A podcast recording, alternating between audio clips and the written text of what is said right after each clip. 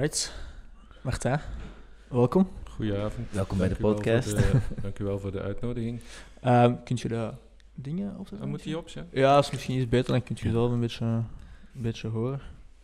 Ehm, vertel eens, hoe heb je allemaal uitgespookt eh, in je carrière? Ik ben bij de politie gegaan, hè? Dus Yes. bij de gerechtelijke politie. Was voor de politiehervorming, want dan waren er drie politiediensten. Ik weet niet of dat jullie dat meegemaakt hebben, ik denk het niet. Wel van gehoord. Ja. We mochten Eh, met andere gasten. terugkomen. Er was de Rijkswacht, Rijkswacht, ja. de gemeentepolitie en de gerechtelijke politie. Ja. En de gerechtelijke politie had dat voordeel, alleen voor mij toch, dat dat zonder uniform was. Een de gerechtelijke politie had geen uniform. Want ik had een, eh, geen goed gevoel bij, bij het dragen van een uniform. Ik heb nooit een uniform gedragen. Ah. Dus Ah, wel apart. het goede, het goede bij de gerechtelijke politie dan was dat je als je werkte als agent bij de gerechtelijke politie, dat je dan onmiddellijk huiszoekingen kon doen. Ja. Je kon eh, mensen, criminelen verhoren. Je kon observaties doen, arrestaties doen. Terwijl dat je bij de andere politiediensten, gemeentepolitie, Rijkswacht, je moest tussenkomen bij betogingen. dus zo- zogezegde alles. administratieve politie, hè, bestuurlijke politie. En bij ons was het enkel gerechtelijke politie. En dat trok mij aan. eh, daarom eh, ben ik bij de gerechtelijke politie geweest. Nou, eerst een paar jaar, dan bij de gewone politie dan. Nee, nee. Direct eh, Ah. direct bij de gerechtelijke politie. Je Ah. werd direct in het bad gesmeten. Je kon onmiddellijk meegaan met... ja, ik zat bij de groep voor repressie van het banditisme. Zo ben ik binnengekomen. En in die tijd, eh 35, 40 jaar geleden, dan werden er praktisch iedere dag twee, drie hold-ups gepleegd op banken. Dat was de jaren tachtig. Ja, dat Ja. was de tijd. eh, Zo. dus Best veel, joh. dus eh, dat was interessant. Dan moesten we gangsters die een hold-up hadden gepleegd eh, proberen te identificeren en dan eh, te arresteren. Dat was de tijd van Patrick Hamers, Ja. Lacroix, Bashrami, Murat Camplan. In die tijd waren er eigenlijk nog, eh, hoe zou ik het noemen, sterrengangsters. Ja. hè. Mensen waar zelfs eh, politiemensen eh, naar opkeken voor te zeggen, ja, we hebben die gearresteerd of we hebben die te pakken. Nu eh, is dat minder. Ja. Je hebt het enkel, pff, eigenlijk, ja, je kunt niet van een sterrenstatus spreken bij terroristen. Hm. Maar nu zijn het meestal de terroristen die, die een naam hebben, like Abdeslam, Abrini. Hè? Dat zijn mensen, criminelen die nu meestal de, ja, gekend zijn.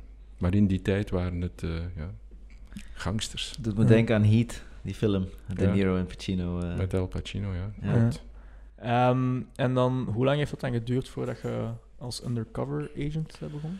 Ja, Ik ben dan een, een jaar of zeven, acht bij de groep voor repressie van het banditisme geweest. Eh, we hadden daar ook bij die groep nog ook een kunstbureau diefstallen eh bij, gem- bij gecreëerd eigenlijk. Omdat eh, in die tijd, in, zeker in het Brusselse, dat daar heel veel kunstdiefstallen waren. En wij waren dan een beetje gecharmeerd door, eh, door kunst.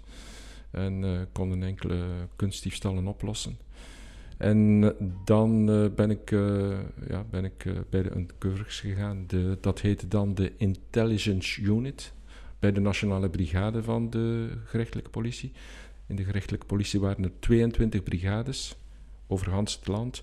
En dan in het kader van de bende van Nijvel eh, is er ook een 23e brigade gecreëerd voor de grote, zware nationale, internationale criminaliteit op te lossen. En binnen die 23e brigade eh, was de GSO, de Groep voor Schaduwing en Observatie, een beetje de tegenhanger van de Rijkswacht van het SI, het Speciaal Interventie-eskadron. Een eh, elite-eenheid eigenlijk. En eh, bij de gerechtelijke politie had je dus de Groep voor Schaduwing en Observatie. Dat was de groep die de beveiliging deed van de, van de, van de undercover-agenten als ze eh, contacten hadden met criminelen. En dan had je ook eh, secties, eh, afdelingen gespecialiseerd in eh, drugs, in eh, zware criminaliteit, in eh, prostitutie en zo. Van waar, komt die, eh, sorry, van waar komt die interesse?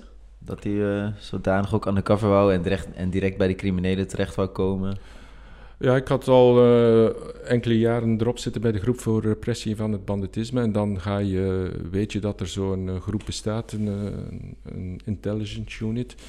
En dan ga je nadenken en ga je zeggen, tja, zou ik dat ook eens niet eh, doen? Want dat leek mij toch wel zeer avontuurlijk en spannend. Ja, en eh, ja, ik heb dat dan maar gedaan. Had je toen de- James Bond in je hoofd? Ja. Of, of niet? ik klein zat beetje. niet echt met eh, James Bond in mijn hoofd, maar het leek mij wel aanlokkelijk dat als je undercover agent was, dat je dan eh, niet meer bij de politiediensten kwam. Hè. Dus eh, een eh, periode van als undercover in België duurt normaal vijf jaar. Dus vijf jaar kom je niet meer in de politiedienst. Want dat is logisch. Als Ja. een crimineel je zou zien eh, binnen en buiten wandelen in een politiegebouw, dan zou je zeggen, tja, wat gebeurt daar? Dus je, je werkt eh, in een eh, safe house, in een, in een gebouw of een, ja, in een gebouw of een woning die, die beschermd is, met een cover firma soms. Niemand weet dat je bij de politie bent en eh, ja, dat leek mij wel heel interessant om eh, dan eh, volledig afgescheiden te zijn van de politie en opdrachten te krijgen die een beetje, ja, die een beetje spannend waren hè, en, en ook zijn. Was daar, een was daar een speciale opleiding voor? Of zijn er bepaalde selecties dat je Maar moet je kon je kandidaat stellen om mee te doen. er zijn natuurlijk altijd veel kandidaten. ehm, en dan kom je voor twee commissies die je ondervragen over je motivatie, je inzet, je karakter, je, je verleden, hè, wat je al gedaan hebt. En eh, er zijn ook psychologische tests natuurlijk.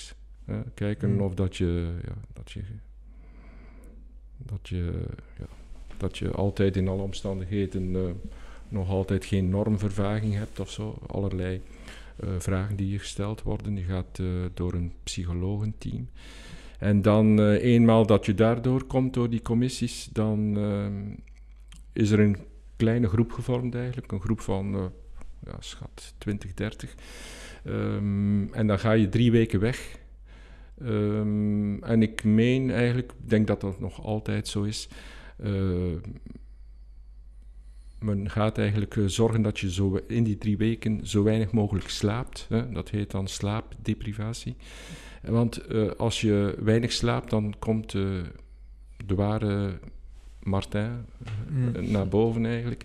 En dan, dan overdag krijg je les in bijzondere opsporingsmethoden, strafrecht, strafvordering, drugwetgeving, wapenwetgeving. Krijg je daar ook examen over of moet je dat instuderen tegen de volgende dag? Maar s'avonds krijg je dan rollen spelen, moet je buiten eh, bepaalde opdrachten vervullen. Kom je dan maar binnen om drie, vier uur eh, s s'nachts. Heb je Zo. hard gewerkt en dan moet je wel om half acht s morgens pikfijn in eh, kostuum eh, terug eh, op het appel verschijnen. Ja. Dus eh, je slaapt heel weinig en dan eh, maak je fouten hè, als je weinig slaapt. Of eh, verlies je je beheersing, hè, ook al eh, belangrijk. En in al die eh, eh, opdrachten die je krijgt, word je gevolgd door psychologen die je gadeslaan hoe dat je je gedraagt in, eh, in bepaalde eh, opdrachten die je krijgt. Een opdracht was bijvoorbeeld dat je ehm, na een dagtaak eigenlijk eh, om vijf, zes uur s'avonds zeiden ze, ja, nu moet je gaan bedelen. Hè. Wij, wij zaten in Brussel, nu moet je gaan bedelen en nu moet je genoeg geld hebben om, om twaalf uur s'nachts een hotel te kunnen betalen en, en, en, en je van eten te voorzien.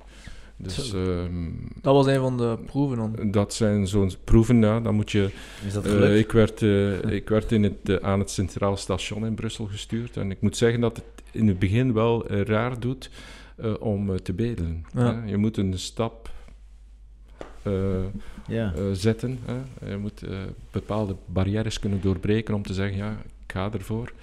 Eh, dus eh, dat, is, ja, dat, is, dat zijn wel zaken. En je moet erbij zeggen dat je heel vermoeid bent. Je hebt heel weinig slaap. Dus eh, zaken die, je- die, die je ook moest doen, was ook niet gemakkelijk. Ehm, is dat je eh, bij een terras komt. eh, er zitten daar mensen. er zijn vrije tafels.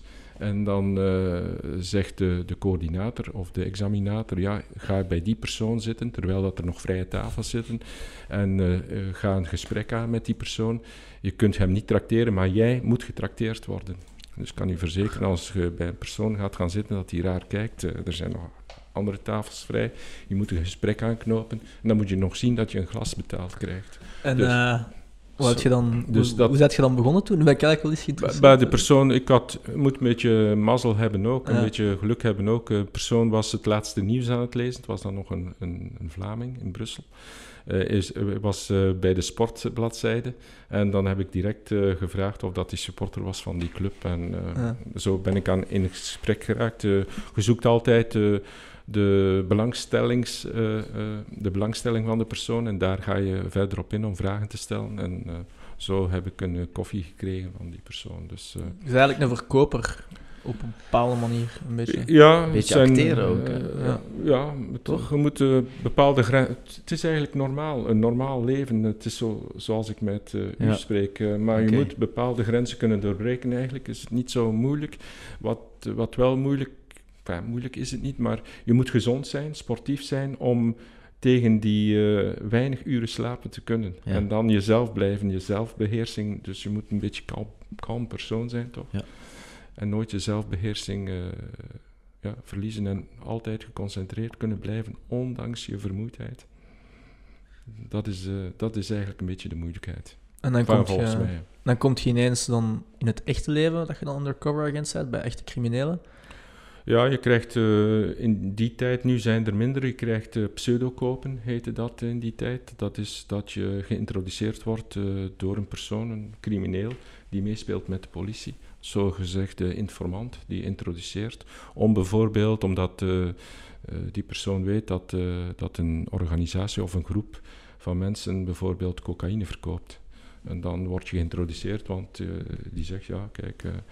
eh, Martijn Bloemperk eh, die is geïnteresseerd om eh, drugs te kopen, die, die drug, koopt drugs en zo ga je in gesprek met de crimineel en slaag je erin zonder eigenlijk ernaar te vragen, want je mag niet provoceren in België. In Amerika mag dat wel, maar zonder ernaar te vragen moeten ze jou cocaïne voorstellen. Ja. Gaat het dan in je hoofd zo, zo constant van, oké, ik mag dit niet zeggen, ik moet hiermee oppassen, of niet?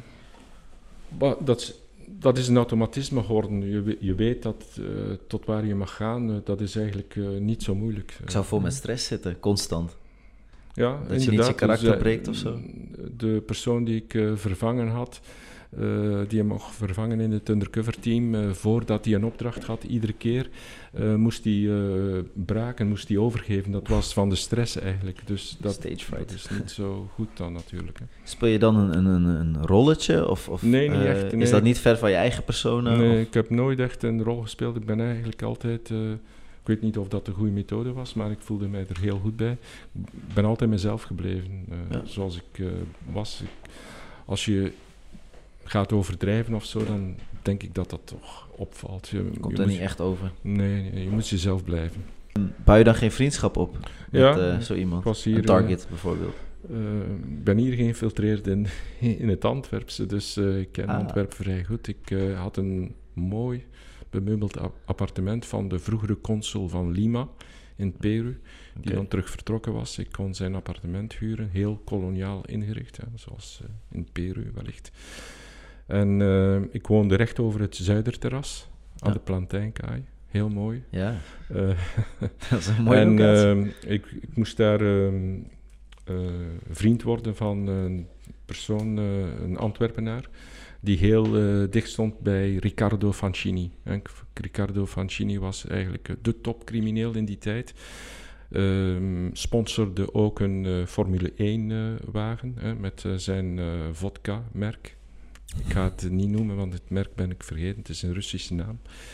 En hij had ook eh, de grootste jacht die al eh, in de Middellandse Zee lag. Een jacht van 47 meter lang in die tijd. Dus, eh, maar hij was, eh, ja, het was eigenlijk een topcrimineel. En eh, via die persoon, die rechterhand van eh, Riccardo Fancini, eh, moest ik, eh, moest ik eh, vriend worden en contact eh, krijgen met Riccardo Fancini.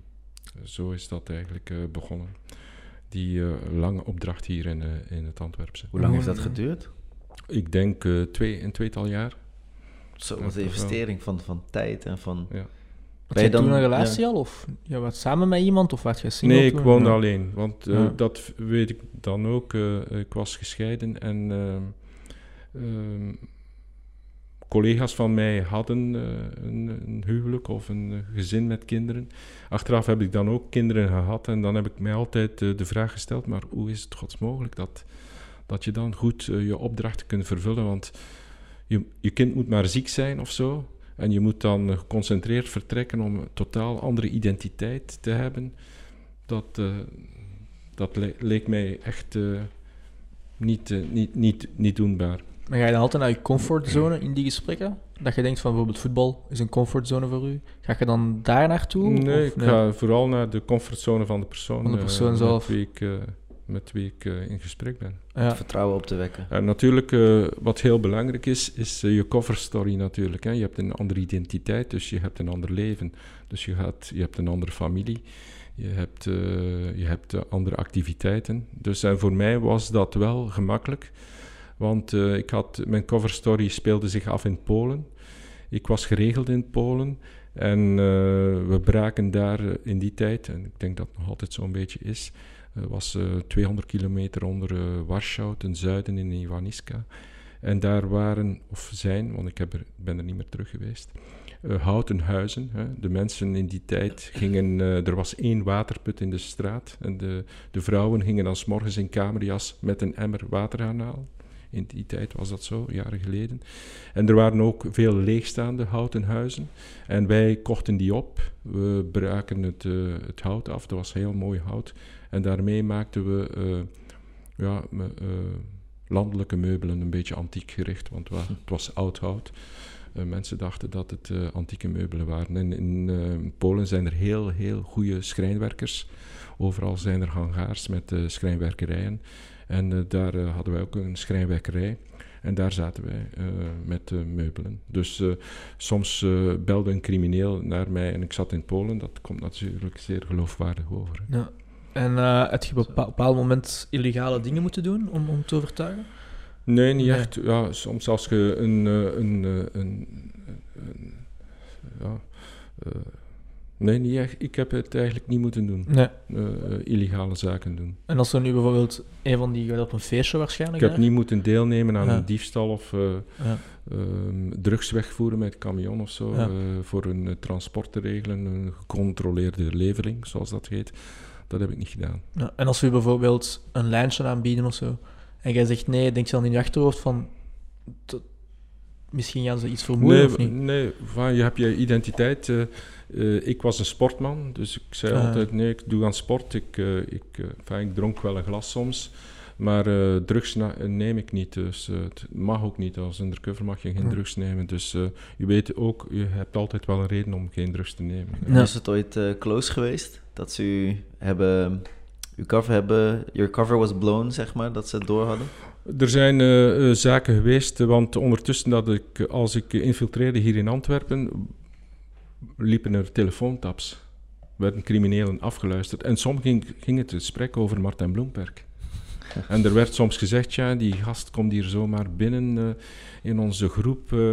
wij zitten al jaren samen. Zou, we daar niet, zou je niet opletten met die kerel? Want die komt zo Uit precies het uit de lucht gevallen. Dus dat was het wel eh, alle hens aan dek natuurlijk. Hè, bij de coördinatoren en de verantwoordelijken eh, voor die operatie. Om te zeggen, ja, wat gaan we doen? Gaan we doorgaan of wordt het niet gevaarlijk? Want ja, En kun je, daarvan blok kunt je daarvan blokkeren? Van bijvoorbeeld, als je dat weet... dat wordt aan mij niet gezegd. Hè. Ah ja, ah, oké. Dat wordt aan mij niet gezegd.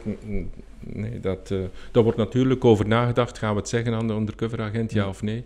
Maar in, ik was niet op de hoogte van het feit dat er eh, op een bepaald ogenblik wantrouwen tegenover mij was. En dan na die twee jaar, is het, hoe lang duurt dat voordat je terug normaal begint te worden? Maar ik heb mij altijd... eh, Ja. ik, ik heb dat altijd eh, geweten, dat ik weet dat Ja. er een einde komt. En eh, ik, heb mij, ik heb er eigenlijk nooit moeite mee gehad met dan terug naar de, de gewone wereld te gaan. Ik moet wel zeggen dat ik eh, eigenlijk eh, in die jaren dat ik undercover was, dat ik heel weinig eh, sociale contacten had. Mhm. Dat ik er eigenlijk, moet ik zeggen, achteraf eigenlijk voor, volledig voor leefde. Ik had eigenlijk geen sociaal leven.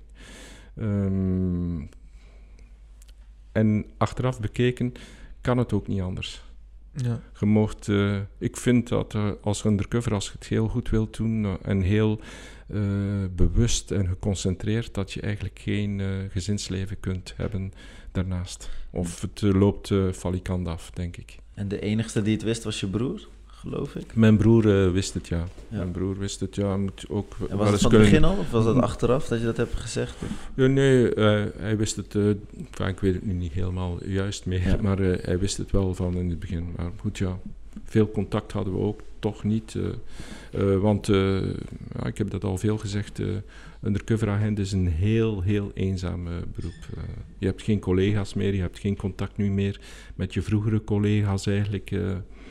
Ehm, ja, je leeft eigenlijk heel, heel alleen. Als je een succes hebt, eh, moet je dat eigenlijk alleen vieren. Hoe oud werd je toen eigenlijk? Ik was eh, 35. 35, dat is nog Hmm. wel... Nooit gedacht toen, want je bent Van veel, 35 tot, eh, tot 40 jaar. want je bent veel alleen, hè? Dus het, je bent veel alleen, waarschijnlijk. Ja, Nooit gedacht van, ik wil er stoppen en ik wil een gezin stichten, of... Dat niet in je hoofd? nee, nee, want je bent volledig geconcentreerd. Je, je zit helemaal in die wereld hoor. Ja? Eigen, Want- wereld. Want eh, als het gedaan was, eh, enfin, in die vijf jaar dacht ik, tja, ik heb toch nog een makkelijke job, eh, totale vrijheid. Je hebt wel je opdrachten, maar ja, het is niet hetzelfde. Je, hebt eigenlijk, eh, je doet eigenlijk wat je wil. Als je je opdrachten doet, eh, kun je je die opdrachten zelf invullen. Je moet creatief zijn. Je kunt eh, zelf creatief zijn in bepaalde in, in die zaken. Dus, eh, maar op het einde had ik, als het gedaan was, was het wel een mantel die ik van mij af. eh, Ja, dat ik wel. zeg, ja, ik heb dan toch wel een zware mantel gedragen. Maar op het moment zelf, in die jaren, ja, je had die mantel aan en je voelde dat niet echt. Maar een keer dat gedaan was, was er wel een, een zware mantel die van je afviel. En was de zaak dan gesloten? Hadden ze hem opgepakt? En... Nee, nee, die zaak is, eh, eh, is ehm, gestopt geworden omwille van het feit dat eh, allerlei ehm, activiteiten waar ik eh, toe uitgenodigd werd, dat ik die moest afblazen eigenlijk. Ik werd eh, gevraagd om mee te financieren aan de handel van bevroren kippen naar Guinea. En eh, dat, dat leverde winst op. Natuurlijk, het probleem was bij de nationale magistraat, ja, eh, als die dan eh, eh, eh, in die tijd was het zonder de euro, 1.025.000 euro winst maakt. Wat, wat gaan wij ermee doen met die winst? Dus dat was al een probleem. eh, dus dat eh, werd ook uitgenodigd om mee te doen aan een hondenslee eh, vakantie in, in Canada. Altijd En, leuk, toch? dat was dan, ja, ik mag, ik mag. En dan ja, werd over gediscussieerd. Dan ze- zeiden ze, ja, we moeten de GSO meesturen naar Canada, want hij moet toch beveiligd worden als hij Mhm. uit zijn rol valt of zijn cover valt weg eh, en hij wordt bedreigd. eh. en uiteindelijk moest ik dat dan ook afblazen. Eerst mocht ik wel, dan niet. Dan, eh, wel. En het was, ja, dat, En, dan, dan hoe- is de zaak gestopt geworden. Sorry, hoe gaat dat van opdracht naar opdracht? Is er, is er bijvoorbeeld een lange tijd tussen twee opdrachten in? Of, of... Dat hangt af met, van- met de contacten die je hebt. Hè. Natuurlijk, ik moet zeggen, tijdens die infiltratie kreeg ik nog andere opdrachten. Hè. Oké, Ja, ik had nog andere opdrachten om bijvoorbeeld in Luik eh, eh, een, eh, een, een schil- schilderijen eh, eh, terug, te, terug te kunnen kopen, of, eh, gestolen schilderijen of eh, cocaïne te, te ko- aan te kopen. Ah, die gestolen schilderijen werden ook dan teruggekocht door de politie? Of... Nee, bijvoorbeeld eh, tijdens mijn eh, undercover hier, mijn infiltratie hier in Antwerpen, was er juist eh, bijvoorbeeld, en dat was in Antwerpen, ehm, een schilderij gestolen van Van Gogh, Vincent Mhm. van, van Gogh, de a- aardappelrooier, ro- rooster, en een schilderij van Monticelli. En ehm, ik werd dus ook aangewezen tijdens mijn infiltratie zelf om contact te zoeken met de helers. Eh, om die sch- schilderij, vooral de schilderij van Van Gogh, Vincent van Gogh, kwam hier uit het Museum van eh, Schone Kunsten in, eh, in Antwerpen, om tijdens die infiltratie contact te zoeken met die helers. En ehm, ik heb daar contact mee gekregen. Het was ook wel heel, heel, een heel mooi verhaal. Ik, ehm, ik, ik kreeg contact in de café met, met de helers en eh, kon direct eigenlijk spreken eh, dat ik... Ik was niet alleen eh persoon die meubelen maakte in eh, Polen, maar ik kwam ook naar België om ad- advies te geven aan kunstverzamelaars. Ja. Want ik ik had jaren in de kunst gezeten bij de gerechtelijke politie. Ik kende dus heel Ja. wat af van kunst. Dus ik gaf ook advies in kunst. Dus voor mij was het gemakkelijk om contact te zoeken met de helers en interesse te tonen voor die schilderijen. Die werden mij dan aangeboden. Ehm, en ik eh, moest dan naar het eh, station, Centraal Station komen van Antwerpen. En daar moest ik wachten. En daar kreeg ik dan eh, van een persoon die mij voorbij wandelde een Playboy. En in die Playboy zat een treinticket naar Berchem. Een, een station verder dan het Centraal Station in Antwerpen. En daar moest ik de trein nemen naar Berchem. En daar zou ik dan eh, naar de parking moeten gaan en zou ik iemand ontmoeten. Maar ik was natuurlijk eh, geobserveerd, beveiligd door de GSO die mij dan volgde. En in de parking eh, werd ik eh, aangesproken door een man op de parking van het station van eh, die mij zei, ja, je bent geïnteresseerd in de schilderijen van van, van Gogh en Monticelli. En ehm, ik zei ja, en dan ging ik de, de camionette binnen en zag ik die schilderijen. Dan werd er overeengekomen om, om een prijs te betalen. En ehm zanderendaags eh, m- kreeg ik dan terug contact om eh, ook terug op de parking van Berchem eh, die schilderijen eh, aan te kopen. Ook terug in diezelfde camionette. En dan hebben ze binnengevallen en dan hebben ze gearresteerd. Dan. En eh, ja, het, het zijn eigenlijk is, eh, want eh, de, de, de koop eh, is nooit tezamen met het, de, de overdracht van het geld. Dus je hebt eh, ikzelf die bij de schilderijen ben en de crimineel die de schilderijen aanbiedt.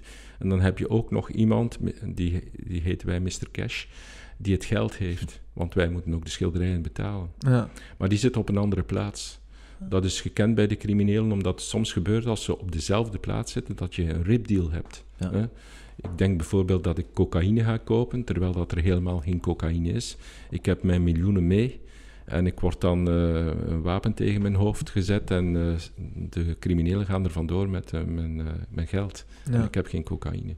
Dus om die ripdeal te vermijden en zeker, meer zeker te zijn, hebben die twee opdrachten op een verschillende plaats, plaats, een paar honderd meter van elkaar. Ja.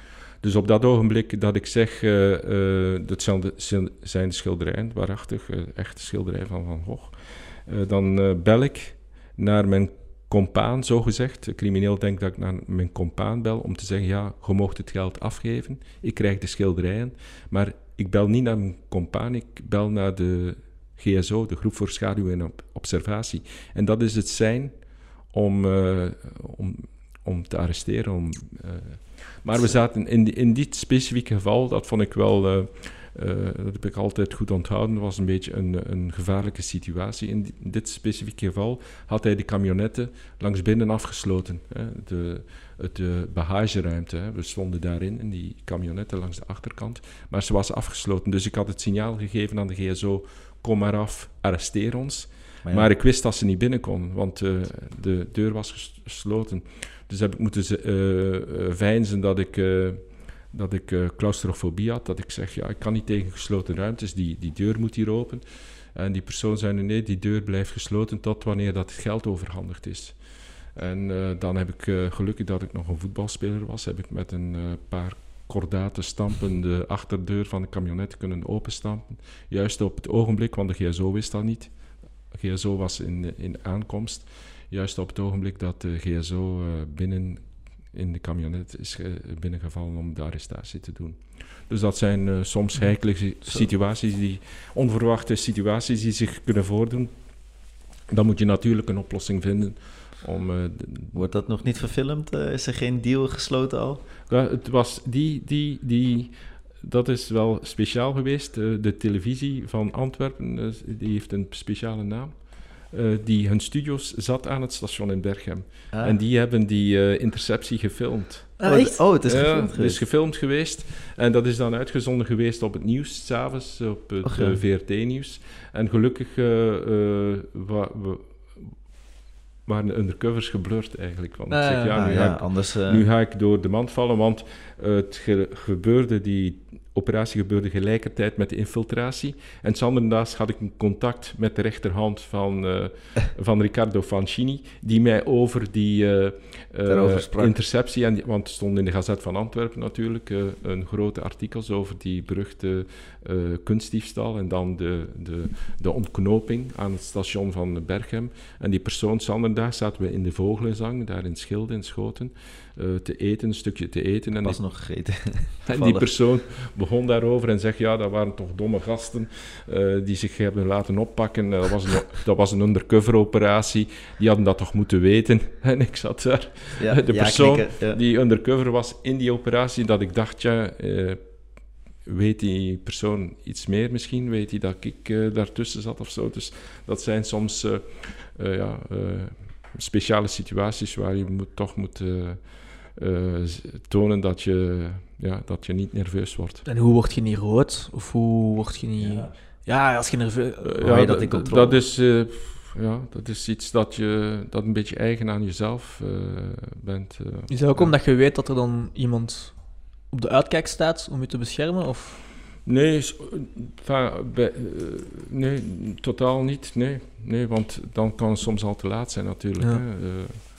Voel je dan veilig? Als je bijvoorbeeld nu terug op straat loopt in Antwerpen, of de jaren net daarna, kort daarna, voel je je dan veilig? Of vermijd je juist die plekken? Of?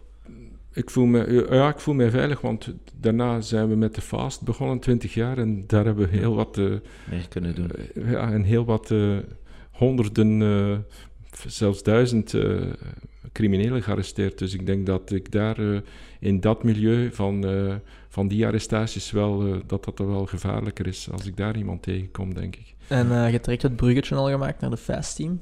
Um, je zegt je stopt als undercover en dan mocht je vijf jaar niet werken, zeker? Hè? Of? Nee, nee, als undercover mag je niet in de politiedienst komen. Maar als je gedaan hebt als undercover, ja, dan begin je direct weer als politie, gewone politieman. Ah, uh, te werken eigenlijk. En dan hebben ze u direct in de fast team gezet? Dat, was, dat bestond toen nog niet, hè? Nee, uh, dan uh, werd ik... Enfin, ondertussen was ik commissaris geworden. Ehm, had ik deelgenomen aan de examens voor commissaris. En was ik commissaris geworden en dan werd ik terug bij de Nationale Brigade gezet, de 23e Brigade, en de Brigade voor de zware bestrijding van de zware criminaliteit. En dan werd ik eigenlijk chef van de van de groep voor schaduw en observatie. Het waren eigenlijk mijn vrienden geworden, want ja, die beschermden mm. mij bij dag en nacht in alle operaties. Die kende ik goed. Het was voor mij een, mooi gevoel dat ik daar uh, teamleider kon van worden als commissaris. En dan werd ik ook nog uh, uh, informantenbeheerder daarbij. Hè. Nationale informantbeheerder van, en officier bij voor de bijzondere opsporingsmethoden. En undercover opdrachten, uh, observaties door de speciale eenheden zijn automatisch bijzondere opsporingsmethoden. Ik had dat al een beetje onder de knie, want ik werkte eigenlijk als undercover in een bijzondere opsporingsmethode. Dus dat was wel goed dat ik daar kon, kon werken. En uh, nadien is het project naar voren gelegd van de FAST, want het kwam naar voren dat er op dat moment 600 uh, voorvluchtige veroordeelden waren, die eigenlijk enkel nationaal gesigned waren, gesignaleerd waren, maar waar niemand, geen politiedienst echt actief naar op zoek ging. Dus als je 600 criminelen die gestraft zijn met een gevangenisstraf van meer dan vijf jaar, dat zijn al zware misdrijven, waar niemand naar zoekt, ja, dan moest er een team zijn die daar echt actief en gestructureerd naar op, op zoek ging. En uh, zo zijn we van wal gegaan met, met het FAST-team. En, um... en dan is de hervorming gekomen, van de politiehervorming. De GSO die bij mij was met de FAST en die goed was, want voor, voor vluchtige criminelen te, op te sporen moet je observeren. En ik had een fantastisch team die het in de hand had, die niet anders deed dan observeren en arresteren. Maar die mensen zeiden, ja, de hervorming staat voor de deur. Hè. De gerechtelijke politie gaat op in de Rijkswacht en de gemeentepolitie. De vast gaat nooit blijven bestaan. We gaan naar onze oorspronkelijke brigades, want anders gaan we. Wie weet waar we dan terechtkomen. En verrassend genoeg bleef de fast bestaan na de hervorming. Maar de foto die genomen werd op dat ogenblik, de dag voordat de hervorming een feit was, we waren maar met twee overgebleven. Dus oh op die, die dag eh, van, eh, zeiden ze, ja, met hoeveel waren jullie de dag van, eh, van de hervorming? Ah, met twee. Maar enkele weken geleden, maanden geleden, waren we met meer dan twintig. Ja, maar dat telt niet. Het is nu dat telt. En we, zo zijn we met twee van wal ge- zijn Met we twee. gestart met het fast-team. eh. En, En dat, is, dat heeft heel wat avonturen teweeggebracht, want eh, in de hervorming wisten ze met ons geen raad, want iedereen werkt in gerechtelijke onderzoeken en sporing, opsporingsonderzoeken, maar niet in het laatste, de laatste schakel van het, de strafrechtsketen, namelijk de opsporing van voorvluchtige veroordeelden. Want je hebt twee soorten voorvluchtigen, namelijk voorvluchtige verdachten, zij die nog verdacht zijn in het kader van een gerechtelijk onderzoek, maar nog niet veroordeeld zijn, nog, Niet voor, de recht, nog Ja. niet voor de rechtbank gekomen. Maar bij ons zijn ze al schuldig bevonden door een college van strafrechters. Maar lopen vrij rond en moeten dus eh, naar de gevangenis. Dus eh, de, de hiërarchie wist daar geen raad mee. Dus eh, wij kwamen op ons bureau en wij konden vrij beslissen in alle vrijheid, zonder dat er iemand boven ons stond, welk dossier dat we gingen aanpakken, hè, welke voorvluchtigen dat we gingen opzoeken. Dus dat was eigenlijk eh, dat was een fantastische periode. Niemand kende dat, het bestond nog niet. Dus we hebben alles zelf moeten uitzoeken. Eh, in die tijd deden we ook zelf de uitleveringen als we iemand, want 70% van voorvluchtige veroordeelden die veroordeeld zijn tot een straf van meer dan vijf jaar, ja, de meeste zitten niet in België natuurlijk, die, die vluchten naar het buitenland. Dus ieder jaar was dat zoals ik de statistieken opmaakte. 30% van onze targets arresteerden we in België, 70% lieten we arresteren in het buitenland. Maar die moesten we dan ook gaan halen natuurlijk. We waren maar met twee. Dus eh, we hebben heel de wereld rondgereisd om die personen te gaan halen. In Zuid-Amerika, in Buenos Aires, in Santiago de Chili, eh, tweeën nog Washington. Ja, met ons tweeën. Hoe lang Dus- heb je dat volgehouden met z'n tweeën? Ja, we, we, met ons tweeën boekten we dan toch successen. En eh, dan vroegen we uitbreiding natuurlijk. Hè. Ja. En in die tijd was het zo dat we dat niet echt kregen. We waren een beetje slecht gezien, we waren een beetje stiefmoederlijk behandeld. En eh, het was wel zo dat als de undercovers gedaan hadden met een periode, dat ze als merite, als verdienste dan, als beloning, mochten ze zelf hun dienst kiezen. Dus wat deden de undercovers die gedaan hadden? Ze kozen voor de fast. Ja. Dus zo konden we, Ah. ondanks het feit dat er geen plaatsen open kwamen, zo konden we onze dienst verruimen, Uitbreiden. omdat ze, ze kregen die verdiensten, ze mochten een, een, een, een afdeling zelf kiezen. Maar op de duur werden we zo populair en zaten we met allemaal oude undercovers, dat ze gezegd hebben, nu kan dat niet meer. Eh, ze kunnen niet meer kiezen, de undercovers, als ze hebben. Dus dat was wel... Dat was wel eh, eh, fijn om... we waren natuurlijk niet blij, maar het was wel goed dat ze probeerden op die manier stokken in de wielen te steken. Fugitives, ik moet direct denken aan Harrison Ford. Ja, echt echt meer, iemand ja. mensen achterna zitten, is dat, is, komt dat veel voor ook bij de job? Of kun je, kun je ze direct arresteren? Of? Ja, er zijn er soms die vluchten natuurlijk, die proberen, want vrijheid is het hoogste goed. We hebben nog eh, on- personen eh, gepakt die echt eh, ja, mooie avonturen beleefd. Die, die als we binnenvielen om vijf uur s morgens, die langs het slaapkamerraam aan de dakgoot gingen op de derde verdieping en zich daar vast hielden om toch eh, niet gearresteerd te worden. Ja, we hebben alles meegemaakt. Ja, zo zijn er ook eh Hongaarse politiekers dat dat ook voor hebben. Hè. Ja, Ja, ook in Brussel. Ook in Ja, Brussel, hè. ook in Brussel. Ehm, dus op een bepaald moment, ik weet niet hoe dat jullie de, de, de namen eruit pikken die jullie als eerste gaan eh, opsporen. Is dat een speciale methode? Of? We proberen natuurlijk de gevaarlijkste eh, Ja. op te sporen. En eh, we krijgen natuurlijk ook tips. Hè. Door de jaren heen werden we ook gekend bij onze collega's, politiediensten. En eh, die collega's hebben niet al, altijd de tijd om in andere dossiers te werken, maar soms krijgen ze een, een, ja, een, een, een, een boodschap van iemand die zegt, ja, die persoon is op de vlucht, hij is veroordeeld, hij, hij zit daar. En dan kregen wij die informatie binnen. En als we die informatie kregen, gingen we daar gaan observeren. eh, Ja. en eh, als we zagen dat de, de persoon daar inderdaad verbleef, dan eh, vielen we binnen om vijf uur s morgens. En ehm, als die persoon nu in het buitenland zit, is dat niet heel moeilijk om dan met die buitenlandse politiediensten te communiceren? Ja, het was moeilijk. We hebben zo een paar hele mooie zaken gerateerd omwille van het feit dat we geen... eh, ja, we moesten met Interpol-berichten werken, met eh Sirene-berichten, maar die personen die dan die, die, die die boodschap, dat bericht kregen dat bijvoorbeeld uh, Dylan om twee uur namiddags in een restaurant zit in Barcelona en daar kan gearresteerd worden, ja, dan normaal gezien moet je dat dan officieel doorgeven. En zo hebben we heel wat gangsters gemankeerd. En dan zijn we op het idee gekomen om overal fastteams in alle landen te, te creëren. Van België dan? vanuit België hebben, we hebben wij dat idee gelanceerd.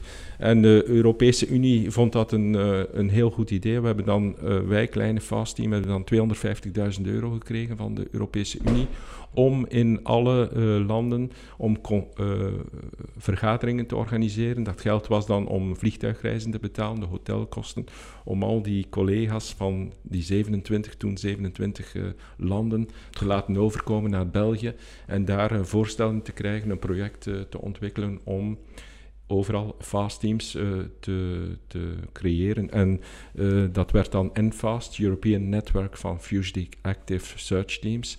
En uh, in Roemenië werd er een FAST opgericht met dezelfde naam, Fusion Active Search Team. Dat was heel plezant voor ons, dat wij, dat andere landen onze namen namen. En de, de, de zaak was dat je in je gsm al die collega's hun gsm had. Dus als er iets gebeurde in, ik zeg maar wat, in uh, Boekarest of in Rovinje, we hebben daar zo'n mooie zaak opgelost in Kroatië, dan bel je naar je collega in Kroatië en zeg je ja, je moet morgen werken, zaterdag, want om, je moet binnenvallen in dat huis, we hebben een adres. En dan ben je zeker dat dat gebeurt, want ja. twee of drie keer per jaar kom je bijeen met al die mensen van al die fast teams. Je, je, uh, je hebt dossiers mee. S'avonds ga je iets gaan eten, ga je een pint gaan drinken. Dus je wordt eigenlijk uh, collega's, vrienden. En er is heel veel vertrouwen. En uh, dat was de bedoeling. Zo hebben we prachtige zaken in internationale context kunnen oplossen. het, was, het waren vergaderingen niet met politiechefs, maar de vergaderingen, de mensen die naar het buitenland gingen, want iedere keer was er een vergadering in een ander land. Dat was ook wel plezant. Niet alleen in Brussel. Uh, dat is wel een mooie job zo. Uh. Enkele maanden later was het in Warschau, dan was het in Boekarest. En iedereen kwam dan naar daar, want we hadden helft van de Europese Unie. Ja. Uh, dus op een duur, na jaren, werden we eigenlijk vrienden. werden er WhatsApp-groepen gemaakt. Ja. dat was heel, heel, heel ehm, lonend eigenlijk. We hebben zo heel wat ja, beruchte, gevaarlijke criminelen gearresteerd. En, en vast bestaan nog altijd. Ja. Die vergaderingen gaan nog altijd door en die successen lopen nog altijd. En wat is de, de gekste zoektocht dat je al eens gedaan hebt, zodat je zegt van het een naar het ander kwam, kwam van rare dingen dat er gebeuren of van toevallen of... Plot twists. Plot twists, dat je iemand aan het opsporen bent. En... Maar ik, eh, ik kan in het tijdsbestek dat we hier hebben, kan ik heel dat verhaal niet vertellen, maar ik vertel het in mijn boek uh, Most Wanted. Ja. En daar, ja. daar uh, vertel ik het. Maar het zijn, ja, het zijn heel mooie verhalen die soms weken aan een stuk duren, waar je weken mee bezig bent en dat je soms dagen niet slaapt, omdat je ja, de, de, de, klopjacht naar een crimineel is heel verslavend natuurlijk. Hè. Ja, tuurlijk. En een keer dat je beet hebt, dat wil zeggen dat je een spoor hebt, ja, dan, dan laat dat je niet meer los en dan, dan ga je tot wanneer dat je de persoon kunt arresteren. En wat doe je nu bijvoorbeeld als bijvoorbeeld al die drugsbaronnen dat in uh, Dubai zitten, die geen uitleveringsrecht hebben naar België? Ja, nu zijn er wel gesprekken met het uh, federaal parket om protocollen af te sluiten, om het wat soepeler, flexibeler te laten verlopen. Maar ik heb de indruk dat het nog altijd wat moeilijk verloopt. dat is altijd zo natuurlijk, waar er heel veel geld in betrokken is. zijn er soms weerstanden om ja, personen dan te arresteren en te laten uitleveren. Hè? Want hier, we zijn hier in Antwerpen. Eh, het hoeft niet gezegd dat er eh, ja, eh, miljoenen euro's, ik zou zelfs zeggen soms miljarden euro's, vertrekken naar, naar zo'n landen, naar de Emiraten. Ja. En hoe frustrerend is dat? Want je weet waarschijnlijk dat die persoon daar zit en je kunt er niet aan. Ja, inderdaad, dat is frustrerend. we hebben het zelf meegemaakt met het duivelskoppel Lakota van Akker, waar we eigenlijk al jaren wisten dat ze daar zaten, maar dat uh, Ivoorkust uh, op jaren niet heeft bewogen om actief mee te werken. Hè. Er zijn het als er dan ook geen uitleveringsverdragen zijn, geen bilaterale uitleveringsverdragen, dan is het nog moeilijker eigenlijk. Hè. Ja, ja. En ehm, dat duivelskoppel, dat heeft toch ook echt jaren geduurd. Hè? Dat je, wordt, dat is, dat soms niet frustrerend dat je dat zo blijft gaan, maar dat je er zo... Die commitment die en dan commitment... Het, eh, het, frustrerend was het niet. eh, je moet geduld hebben, je, moet, je mag nooit opgeven, nooit eh, moed verliezen. Maar hier was de zaak heel raar dat we wisten waar ze zaten. En dat we dat moesten geheim houden, want we hadden schrik dat het... we hebben ze op... eh, want we hadden in die tijd dan ook eh, Most Wanted Fugitives eh, gelanceerd via de federale politie en ook via Europol. Europe's Most Wanted. Hè. Daar stonden ze allemaal op. Hè. Lacote stond erop, op Europe's Most Wanted. En stond ook op Belgium Most Wanted, Fugitives met Hilde van Akker. Maar op den duur dachten we, tja, we hadden al zoveel informatie gekregen waar ze zaten, wat ze aan het doen waren, dat we zeiden, ja, nu gaat het aan de journalisten hun oor komen voor te zeggen, ja, wat gebeurt er? Die gasten zitten daar eh, eh, eh, en er gebeurt niks. Dus, en dan is het verbrand natuurlijk. Hè. Dus dat, dat was het gevaar. En de laatste keer was het eh, ehm, Gender Has No Crime. Hè. Met de Europol, met Europe Most Wanted wa- waren er altijd heel mooie, leuke mediacampagnes. En de laatste mediacampagne die ik meemaakte was Gender Has No Crime. Dat was de vrouwen dan. Hè. Eh, eh, eh, we moesten allerlei, alle vrouwen, vrouwelijke criminelen op de website plaatsen.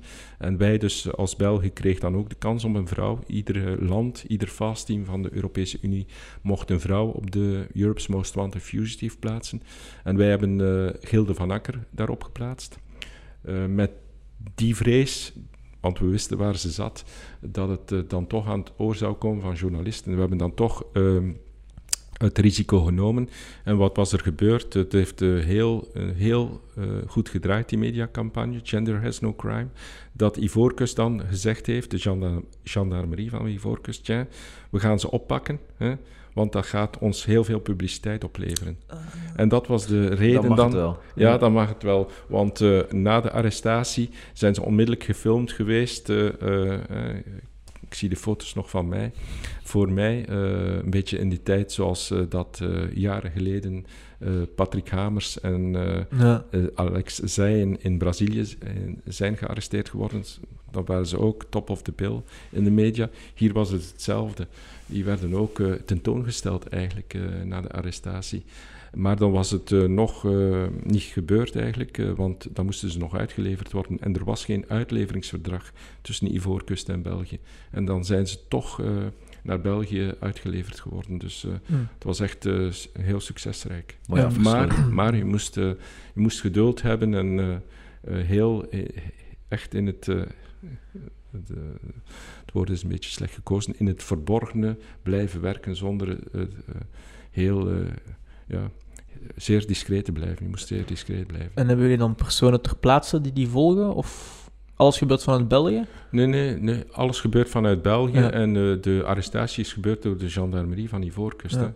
De mensen van eh, Fast zijn wel naar Abidjan gegaan, collega's zijn wel naar Abidjan gegaan om het eh, duivelskoppel naar hier van, Van Akker en Lacote naar hier te brengen. Is dat dan via gsm-verkeer dat jullie weten waar ze zitten? Of, ja, goed, ja, dat... dat Ja, oké, Ja, dat is een kan moeilijke het- vraag. ja. Ik kan het nu moeilijk eh, zeggen Ja. hoe dat we het eh, te weten gekomen zijn, maar dat is ook een, eh, een, ehm, een serieus verhaal geweest eigenlijk. Ik, heb dat dan, eh, ik ben dan voor het Hof van Assise gekomen, want ze zijn berecht geworden. En daar heb ik dan wel eh, gezegd hoe dat het, eh, moest ik wel getuigen, hoe dat het eh, verhaal juist in elkaar zat. Maar van, van alle, alle criminelen dat je opspoort, hoeveel procent zit daarvan in een land dat niet kan uitgeleverd worden? Ja, dat zijn de slimmeriken natuurlijk. Hè. Ja. Die vluchten naar land eh, dat ze zeggen, ja, er is geen uitleveringsverdrag. Maar eigenlijk in huidige tijden speelt dat geen rol meer. Eh, ook Ja. al zit je in een land waar er geen uitleveringsverdrag is, is eh, de, die landen eh, kunnen je persona non grata ver- eh, verklaren en dan kunnen ze je uit het land zetten. Want in die tijd was er bijvoorbeeld, hebben we zo heel veel pedofielen kunnen arresteren. In, ik denk dat zelfs nu nog geen uitleveringsverdrag is, de dag van vandaag. In de Filipijnen, in Vietnam. Nu wel in Thailand is er een uitleveringsverdrag, maar de pedofielen gaan meestal naar daar. Hè. Ja. En eh, wij konden die daar lokaliseren, hè, maar er was geen uitleveringsverdrag. Maar wat deden wij? We zeiden, kijk, die persoon is, ge- eh, is ehm, eh, veroordeeld tot negen jaar gevangenisstraf voor eh, kinderverkrachting. Wel nu, eh, wat deed dat land dan? Cambodja zei, oh, eh, gast, negen jaar kinderverkrachting. We verklaren hem persona non grata, ook al is er geen uitleveringsverdrag. En we zetten hem uit naar het land van herkomst. En wij gingen die En klaar. Die werden op het vliegtuig gezet en wij pakten die in, het, in Zaventem op. Ja, Oké, maar het ding is, wat ik, wat ik eigenlijk me afvraag, is van, je hebt een persoon bijvoorbeeld in Dubai. En je weet al twee, drie jaar dat hij in Dubai zit. Weet je het moment dat zij één stap uit Dubai zetten, dat zij in een ander land zijn? Of moet je dan terug opnieuw... Ja, normaal gezien weten we het, maar zo'n eh, criminelen zijn heel gewikst en die reizen met een eh, valse identiteitsreispas. dus eh, die is soms heel goed ge- nagemaakt. Of die reizen met een lookalike, hè, een, een, een echte reispas waar een foto op staat van een persoon die op hen gelijkt. En ja, die gaan dan door de mazen van het net. Maar wij kennen die ide- identiteit niet. We hebben die identiteiten die we wel kennen, hebben we wel gesignaleerd internationaal. En dan komen ze wel naar ons toe natuurlijk. Hè. Maar eh gewiekste criminelen die gebruiken identiteiten die wij niet kennen. En eh, zijn er zo van die criminelen dat je nooit meer iets van gehoord hebt? Dat je nooit een spoor hebt kunnen vinden? Verdwenen. Ja, eh, de- inderdaad. eh, die staan op de Most Wanted. Hè. Er is uh, Roef Oeden, hè, die Malika Soussi, een moeder van twee, heeft de keel overgesneden. Die hebben we eh, niet kunnen ehm, arresteren omwille van het feit dat toen Enfast nog niet bestond. Dat we geen goede contacten hadden in het buitenland. En de persoon is nog altijd voortvluchtig. Ja. We weten natuurlijk nu dat hij in eh, Bangladesh zit. Eh, maar eh, en, Zo, ja, begin daar maar eens te zoeken. en da- ja, dat, daar is dan ook geen uitleveringsverdrag. Hij heeft de nationaliteit. het, is de, het is een Bengaal. Ja. Dus begint maar natuurlijk. Hè. Dat, het zijn er zoveel. Veel. Corset heeft de vrouw van zijn vriend de keel overgesneden met de drie kleine kindjes. Eh, de keel overgesneden. Heeft levenslang gekregen in Brussel. Ehm, is, ook, eh, is ook voorvluchtig. En daar hebben jullie nooit iets meer... Zijn er echt zo van die mensen dat je nooit iets van gehoord hebt? Ja, inderdaad. Ja. Want eh, momenteel en, eh, heeft het vast meer dan eh, 1500 eh, dossiers van voorvluchtigen. Dus er zijn heel wat voorvluchtigen. En natuurlijk, ehm, als je veroordeeld bent tot een straf van eh, tot drie jaar, verjaren de straffen eh, na vijf jaar. Dus als je eh, veroordeeld bent tot een straf van meer dan drie jaar, drie jaar en een dag, dan ver- verjaren de straffen na tien jaar. Dus als je je tien jaar kunt gedijst houden, in het buitenland bijvoorbeeld, dan kom je langs de grote poort terug België binnen, want dan kun je niet Oh. meer eh, in de gevangenis terechtkomen. Die, die straf is verjaard. Oh, dat wist ik zelfs niet. Ja. Dat gebeurt dus iedere dag eh, moet, eh, moet je een persoon van de lijst schrappen, want zijn straf is, on, is verjaard. En ja. Dan eh, doet je maag een beetje pijn natuurlijk. Hè, Nu is het toch heel soms- anders, hè? Ehm, omdat het veel meer eh, achter de computer is, het speurwerk. Ja, maar het, het fastwerk is toch ook veel terreinwerk hoor. Ja? Je moet met personen gaan spreken. eh, eh, het, het, het, werken achter de computer, bij manier van spreken, is eh, vooral om eh, ja, eh, masten van gsm's Ja. te lokaliseren, ehm, telefoontaps te beluisteren en zo. Ja. Dat moeten we natuurlijk ook doen, hè, want eh, Ja. eh, er, worden, er worden ook telefoons afgeluisterd om te weten waar personen zich bevinden, uiteraard. Dan moet ik weer denken aan Born Identity, eh, aan die film. In de control room. Hoeveel, hoeveel heeft de Most Wanted list eigenlijk geholpen? Ja, heel veel. Heel veel, ja. Ja, heel veel. Ik Ja. denk dat er nu al zeker 20, 25 arrestaties gebeurd zijn met Belgium Most Wanted. Hè? Ja, ja. En eh, Europe's Most Wanted, ja, dat is eh, met alle criminelen van Europa. Ik denk dat we daar al aan eh, in de 40 zitten. ja want elk jaar... En dat zijn dan heel zware criminelen. Dat zijn moordenaars, eh, Ja. zware internationale drugtrafikanten, verkrachters. Dus eh, ja, dat zijn wel de zware. Want elk jaar helpt het meer en meer, hè? Heb ik zo het gevoel. In de krant en zo komen er meer en meer verhalen van dat ze via de Most Wanted lijst hebben opgespoord. Dat is toen toch wel aan het groeien, hè? Ja, klopt. De burger ja. wordt, wordt ingezet om, eh, om te helpen en om Ja. eh, ja, be- eh, informatie te geven. En dat, dat loopt wel. We hadden nooit gedacht bij de creatie van de Belgium Most Wanted en Europe's Most Wanted dat dat zo succesrijk zou geweest zijn. We, we hadden, eh, de bedoeling was natuurlijk om, om voor vluchtigen te pakken daardoor, maar het was ook een beetje een marketingproduct voor ons om ons in de markt te zetten. Omdat we in die tijd hadden we het moeilijk om te blijven bestaan, want ze wouden ons eh, supprimeren. Eh, er was al geld eh, tekort bij de federale politie, dus er moesten diensten gesupprimeerd worden. Dus wij zaten ook in, die, in dat lijstje. En dan moesten we proberen om zo veel mogelijk resultaten te hebben, dat we, dat we niet zouden geschrapt worden. En ook een beetje aan marketing doen, in de publiciteit komen. En we dachten dat met Belgium Most Wanted eh, en Europe's Most Wanted dat dat wel zou lukken. En eh, wat, ik had zelf nooit gedacht dat dat zo'n schot in de roos zou geweest zijn. Ja, Dat is wel goed gelukt dan. ja. oké. ehm, en, en ik heb dan ook eh, de naam van mijn boek eraan gegeven, hè, Most Ja. Wanted. Most Wanted. Zeker, zeker kopen.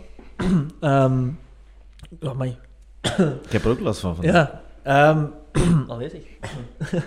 Waar Eh, vindt u nu die... Ja, nee, zeg. Ja, ik wou zeggen, want mijn camera's gaan het bijna begeven. Ik ga hem straks We zijn al vragen. eh, 55 minuutjes aan het praten. Dus eh Martijn, echt bedankt. Eh, ik vond het heel interessant.